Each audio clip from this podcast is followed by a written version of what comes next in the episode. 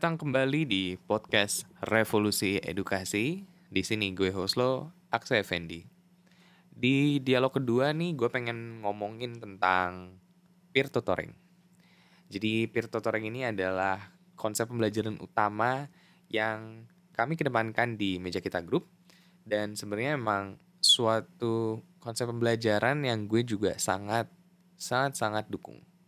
Um, jadi pada dasarnya peer to peer tutoring ya atau peer to peer learning ini sebenarnya konsep sederhananya sederhananya adalah ya dari namanya udah ketahuan ya adalah pembelajaran murid ke murid, pembelajaran antar murid. Nah, konsep peer tutoring ini emang sebenarnya ada banyak variasinya ya, tapi terutama untuk um, diskus diskursus ini dan spes, uh, secara spesifik contoh peer tutoring yang istilahnya akan jadi contoh adalah pembelajaran antar murid sebaya. Nah, jadi peer tutoring ini sebenarnya konsep yang dari zaman Yunani kuno aja sebenarnya udah udah dipraktikkan gitu. Di mana uh, guru-guru tuh di dalam kelas di saat itu di zaman Yunani kuno tuh sudah memberdayakan murid-muridnya yang istilahnya lebih piawai, lebih mahir akan materi pembelajaran yang diajarkan untuk mengajarkan uh, teman-temannya lain, teman-temannya mereka sekelas atau teman-teman sebaya mereka yang istilahnya perlu bantuan gitu. Jadi um, di sana itu di Yunani kuno sebenarnya mereka punya yang namanya student leaders atau uh, murid-murid pemimpin ya lah namanya archons. Omong-omong untuk uh, dialog ini gue akan mengutip banyak dari bukunya David R. Mitchell yang bertajuk Special Educational Needs and Inclusive Education. Nah, balik lagi tentang archons ya. Jadi archons ini mereka adalah istilahnya student leaders yang memang mengajar uh, murid-murid yang sebaya mereka atau yang lebih muda gitu kan yang perlu bantuan.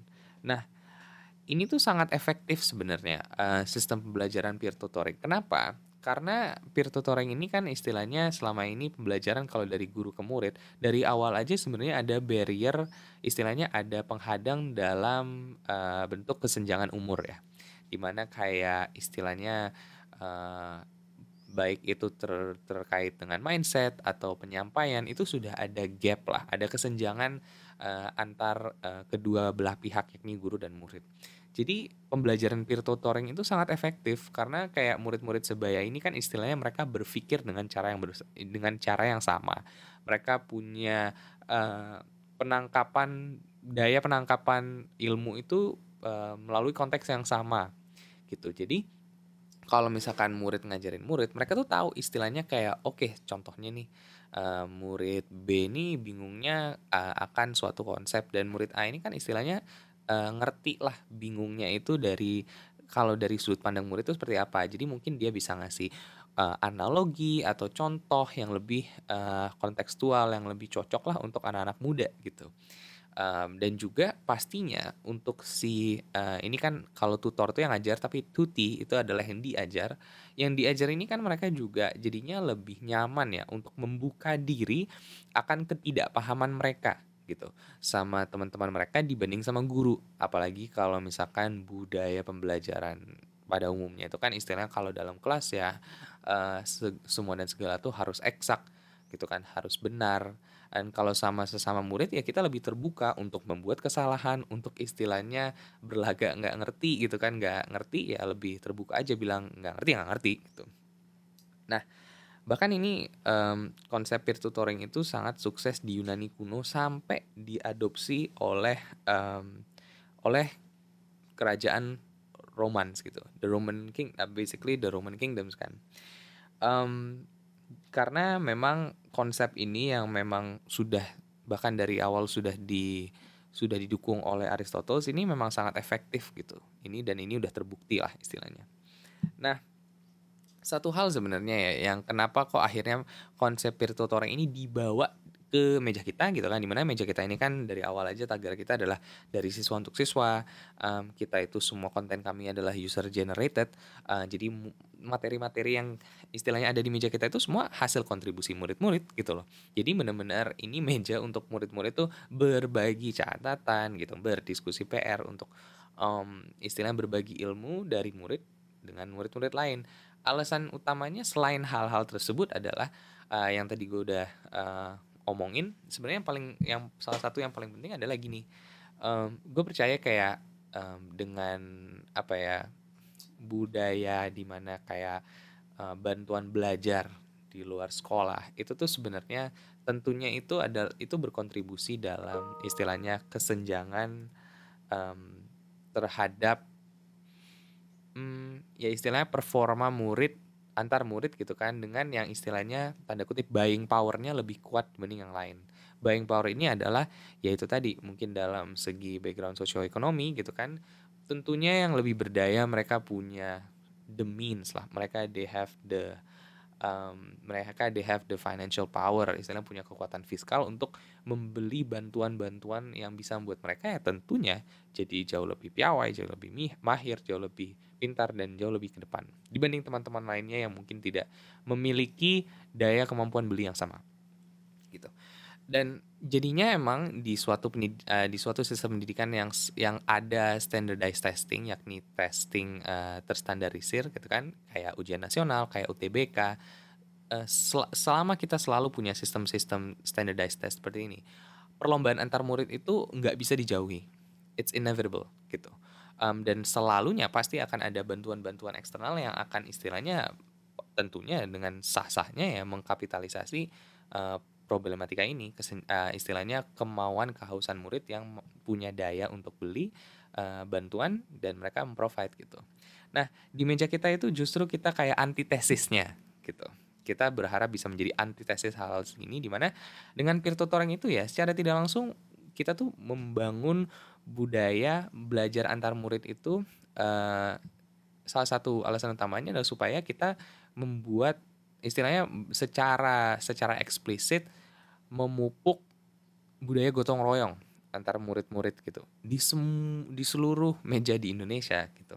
Di mana murid-murid yang istilahnya tanda kutip lebih mahir lebih pintar ini kan mereka ngajarin yang istilahnya perlu bantuan ini mereka jadi pun mereka jadi memupuk uh, understanding gitu. Mereka jadi memupuk uh, pengertian akan teman-teman yang mungkin mereka tidak secepat dia gitu kan uh, menangkap materi atau secepat dia menghitung atau berpikir atau menghafal atau memahami konsep gitu kan mereka jadi lebih understanding mereka jadi lebih mengayomi mereka jadi lebih pengertian dan mereka jadi istilahnya punya semangat untuk bisa berbagi ilmu yang puji syukur mereka miliki. Dan secara waktu yang bersamaan juga murid-murid yang diajar gitu kan yang butuh bantuan mereka jadi terbuka untuk uh, bertanya, terbuka untuk berbuat kesalahan, bahkan terbuka untuk kelihatan tanda kutip nggak ngerti gitu kan atau kasarannya kayak ya istilahnya selama ini kalau misalkan di kelas kalau kita nggak tahu kita biasanya sering kan malu mau nanya gitu. Nanti dibilangnya nggak dengerin guru gitu kan atau eh, nggak uh, merhatiin atau uh, kasarannya kayak bego gitu kan atau bodoh ya kan kasarannya. Nah, tapi dengan ini kan murid-murid yang diajar ini mereka juga jadi punya mereka tuh punya self esteem atau kepercayaan diri yang lebih tinggi. Kalau mereka misalkan diajarin oleh murid-murid yang lebih eh, teman-teman sebaya mereka yang lebih ngerti. Karena mereka jadi punya harapan kalau eh sebenarnya nggak apa-apa ya kalau misalkan nggak tahu itu. Yang nggak tahu ya nanya gitu kan. Dan mereka juga lebih nyaman diajarin murid-murid sebaya karena mereka juga komunikasinya nggak istilahnya nggak ada harus uh, yang um, sama guru misalkan harus hormat harus jaga tutur kata dan segalanya jadi secara tidak langsung tuh kita juga membangun kultur um, pembelajaran di mana belajar tuh nggak bukan lomba gitu loh. Pembelajaran tuh bukan lomba. Dari 2016 tuh gue selalu bilang satu hal gini. Gue bilang kayak uh, success and failure itu lie on the same continuum. Gue lupa waktu itu baca dari buku mana. Tapi ini ini mantra yang sangat kuat. Di mana di mana-mana kalau misalkan dalam pembelajaran itu ya pastinya kita bakal gagal. Kita bakal ada titik kita nggak ngerti atau nggak tahu gitu. Dan sebenarnya secepatnya kita mengakui kita nggak tahu, secepatnya lebih cepat juga kita bisa belajar gitu kan. Um, dan istilahnya ya uh, di meja kita ini justru kita selalu sering banget loh ditanyain misalkan di acara-acara gitu. Oke, okay, kalau misalkan kalian menerapkan peer tutoring dan ini di istilahnya di diskusi PR atau berbagi catatan itu materinya semua dikontribusi oleh murid, siapa yang moderasiin dong? Kalau hmm, jawabannya ini benar atau catatannya itu uh, eksak dan faktual dan full semuanya konsepnya benar lah justru kita bilang kita bangga justru karena kita nggak nggak nggak uh bahkan ya super super minim moderasinya. Malah nggak ada moderasi sama sekali justru diskusi PR itu moderasinya antar murid-murid yang berdiskusi aja. Alasannya kenapa? Karena ya namanya juga diskusi namanya juga berbagi. Kalau ada salah ya kalau misalkan ada yang nemu yang salah ya mereka akan point out gitu. Diskusi PR juga selalu seperti itu. Kalau misalkan ada yang salah gitu misalkan yang jawab ternyata salah. Yang temennya yang lainnya bisa jawab dan bilang heh seharusnya bagian ini seharusnya gini loh gitu kan um, karena kita juga istilahnya mengetahui ya itu tadi kita acknowledge kalau belajar itu pasti ada salahnya belajar itu pasti rawan akan um, kesalahan gitu. Dan justru kita harus embrace itu kita harus um, berlapang dada kalau berbuat kesalahan gitu kan supaya kita jadi lebih ingin berkembang gitu. Dan peer tutoring ini nih adalah uh, suatu konsep yang memang sebenarnya ya um, itu tuh di zaman Yunani gitu kan bahkan di Romania kuno gitu atau bahkan akhirnya di tahun 60 mulai diadopsi secara cepat di Amerika uh, dan tahun 1980 diadopsi di Inggris. Itu sebenarnya alasannya alasan utamanya adalah uh, kekurangan guru gitu kekurangan daya mereka untuk uh, kekurangan daya para ekonomi ini untuk uh, mengemploy cukup banyak guru untuk murid-murid yang istilahnya melambung dalam jumlah. Um, jadi ini sebetulnya memang peer tutoring itu di zamannya itu uh, alasan utamanya memang terkait fiskal negara gitu. Tapi tidak bisa dipungkiri gitu. Riset-riset yang mendukung termasuk dari buku David R. Mitchell yang gue kutip tadi.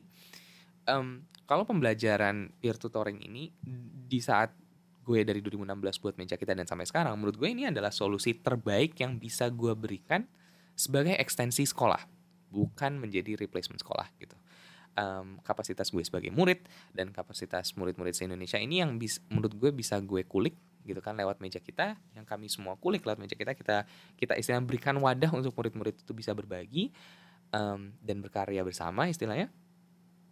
Dan jadinya uh, semuanya terbantu akan ini gitu loh. Belum ditambah lagi sebenarnya murid-murid yang ada di meja kita ini istilahnya memang yang um, banyak sekali yang sebenarnya bukan orang-orang yang uh, terbiasa untuk mencari bantuan eksternal gitu dalam bimbingan-bimbingan belajar lainnya. Karena kan sebenarnya di meja kita ini uh, mata uangnya adalah kedermawanan. Mata uangnya adalah semangat berbagi gitu. Dan inilah yang istilahnya transaksinya yang kita lakukan di meja kita ini ya istilahnya berdasar asas gotong royong yang memang semangat yang ada di Indonesia gitu. Uh, hal-hal inilah istilahnya ingin kita pupuk gitu. Bahwa pembelajaran itu bukan perlombaan. Nggak tahu tuh nggak apa-apa. Salah tuh nggak apa-apa. Bertanya itu bener-bener nggak apa-apa gitu kan. Dan sudah sebaiknya sebenarnya murid-murid itu punya wadah untuk bisa lebih leluasa bisa lebih um, bebas bertanya bisa lebih bebas berbuat salah. Dan dengan belajar dengan satu sama lain gitu loh. Pada akhirnya itu um, asas-asas ini, ide-ide ini yang istilahnya kita ingin bisa salurkan lewat berbagi catatan, lewat diskusi PR, gitu kan, di mana murid-murid itu ya jawab kalau mereka benar-benar tahu dan mereka ingin bantu, berbagi catatan juga um, semau mereka gitu kan, catatan ini emang punya mereka yang ingin berbagi untuk murid-murid Indonesia bisa belajar bersama, sukses bersama gitu. Mungkin itu sih konsep tutoring yang kami sangat uh, dan gue itu benar-benar kayak champion banget lah di meja kita gitu kan, meja kita grup um, semoga bermanfaat diskursus uh, kali ini terkait peer tutoring. Kalau kalian ada masukan apa pun lainnya, mungkin uh, topik yang kalian ingin kita angkat di podcast Revolusi Edukasi, bisa email uh, gue langsung aksa@mejakita.com atau DM Instagram @mejakita. Itu aja dari gue. Nama gue Aksa Effendi. Revolusi Edukasi sekarang dan selamanya. Terima kasih. Thank you.